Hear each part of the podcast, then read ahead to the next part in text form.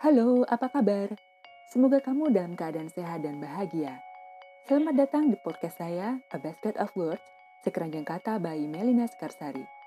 Podcast ini akan berisi perjalanan saya sebagai single mom, tingkah pola anak-anak, kisah-kisah romantis, cerita anak, dan tentu saja isi hati dan pikiran saya sebagai diri sendiri. Selamat datang dan selamat menikmati ya. Hai, Melina Sekarsari hadir lagi di A Basket of Words sekeranjang kata. Kali ini hadir dengan obrolan seputar bahasa dan anak. Ada pendengar podcast saya yang berstatus ayah atau ibu? Pasti seneng banget ya kalau anak-anak kita terbiasa mengucapkan kata-kata yang baik. Kalimat yang melekat di lidah anak-anak sangat dipengaruhi oleh lingkungan, baik keluarga, tempat bermain, atau lingkungan rumah dan sekolah. Anak-anak saya juga gitu, mereka terbiasa menggunakan bahasa yang baik, Meskipun kadang saya merasa anak-anak saya masih miskin kosakata. Jadi gini, waktu itu putri saya pernah bertanya, Mom, goblok itu artinya apa sih? Wad, dia nggak tahu artinya goblok. Iya, bersyukur sekaligus miris sih. Bersyukur karena mereka nggak punya kesempatan mengucapkan kata berkonotasi negatif itu. Miris karena bagaimanapun kosakata itu memang ada dalam kamus bahasa Indonesia.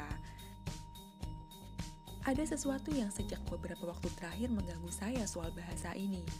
Selama pandemi ini, saya tetap traveling around the world, termasuk ke negara-negara Eropa. Yes, it's a virtual traveling.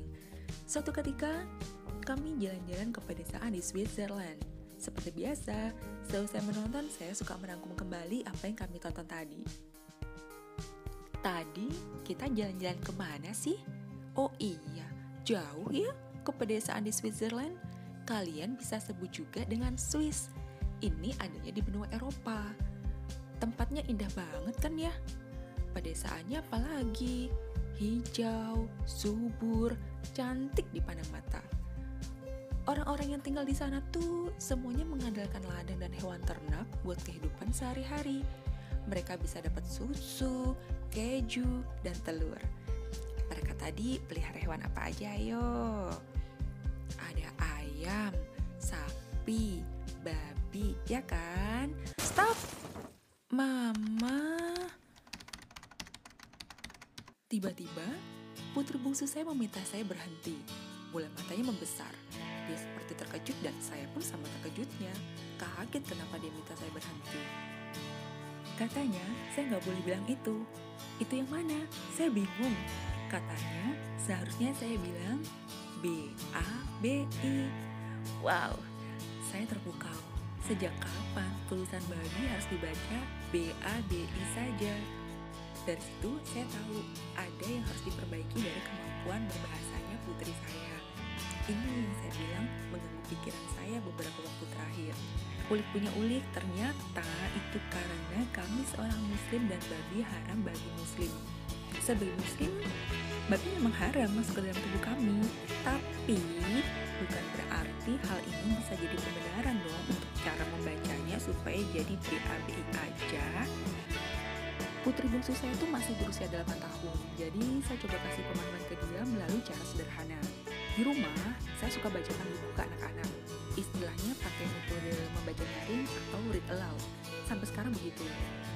Sayangnya memang senang cuap-cuap.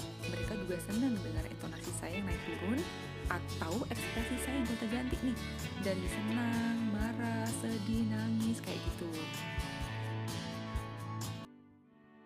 Babi yang sombong. Ada seekor babi yang cukup gemuk badannya. Kakinya kuat. Pada mulutnya ada taring yang tajam dan panjang. Dialah yang menjadi raja hutan di sana. Babi sangat ditakuti oleh binatang-binatang lain. Seekor binatang pun di sana yang berani melawannya. Anjing hutan tidak berani melawan, Bahkan singa yang terkenal buas pun tak sanggup mengalahkannya. Tidak mengherankan karena kekuatan yang besar dan belum ada yang pernah mengalahkannya, ia dinobatkan menjadi Raja Babi. Sewaktu Raja Babi berjalan melintasi kerumunan banyak binatang dengan lantangnya ia berkata, Ayo, siapa yang berani melawanku? Mendengar tantangan Raja Babi yang demikian, semua binatang yang ada di tempat itu semuanya diam.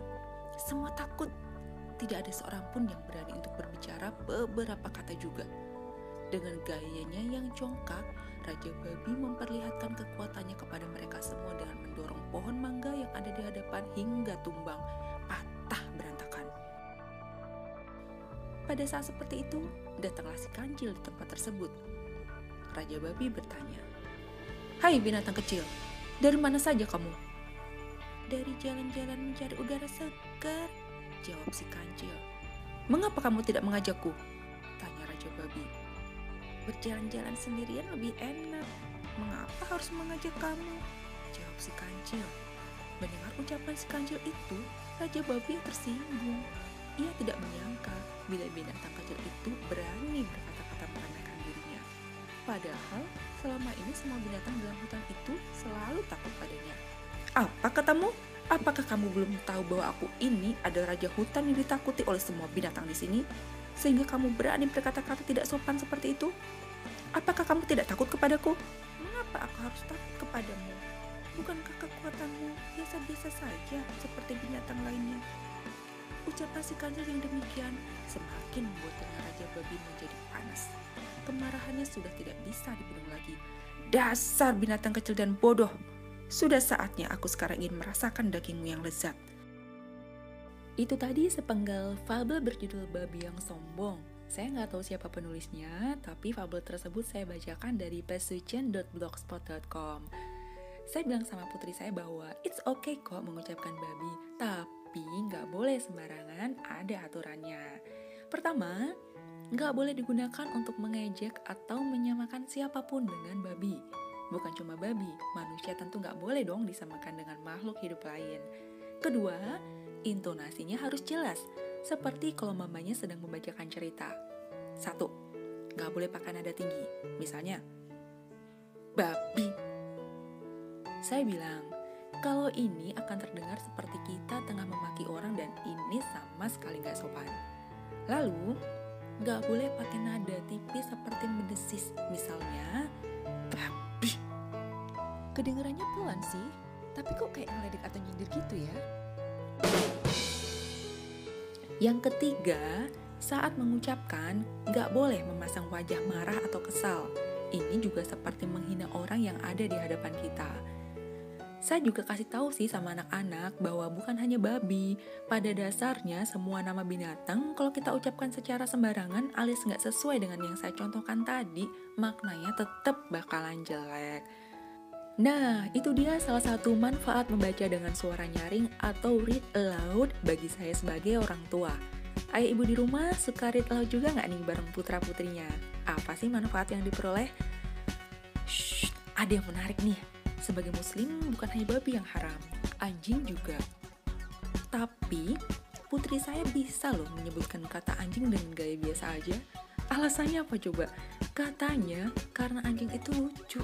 Nah, loh. So, ayah ibu, semoga anak-anak kita semakin kaya akan kosakata dan gak takut lagi ya membaca sesuai pengucapan yang seharusnya. Selama tahu aturannya.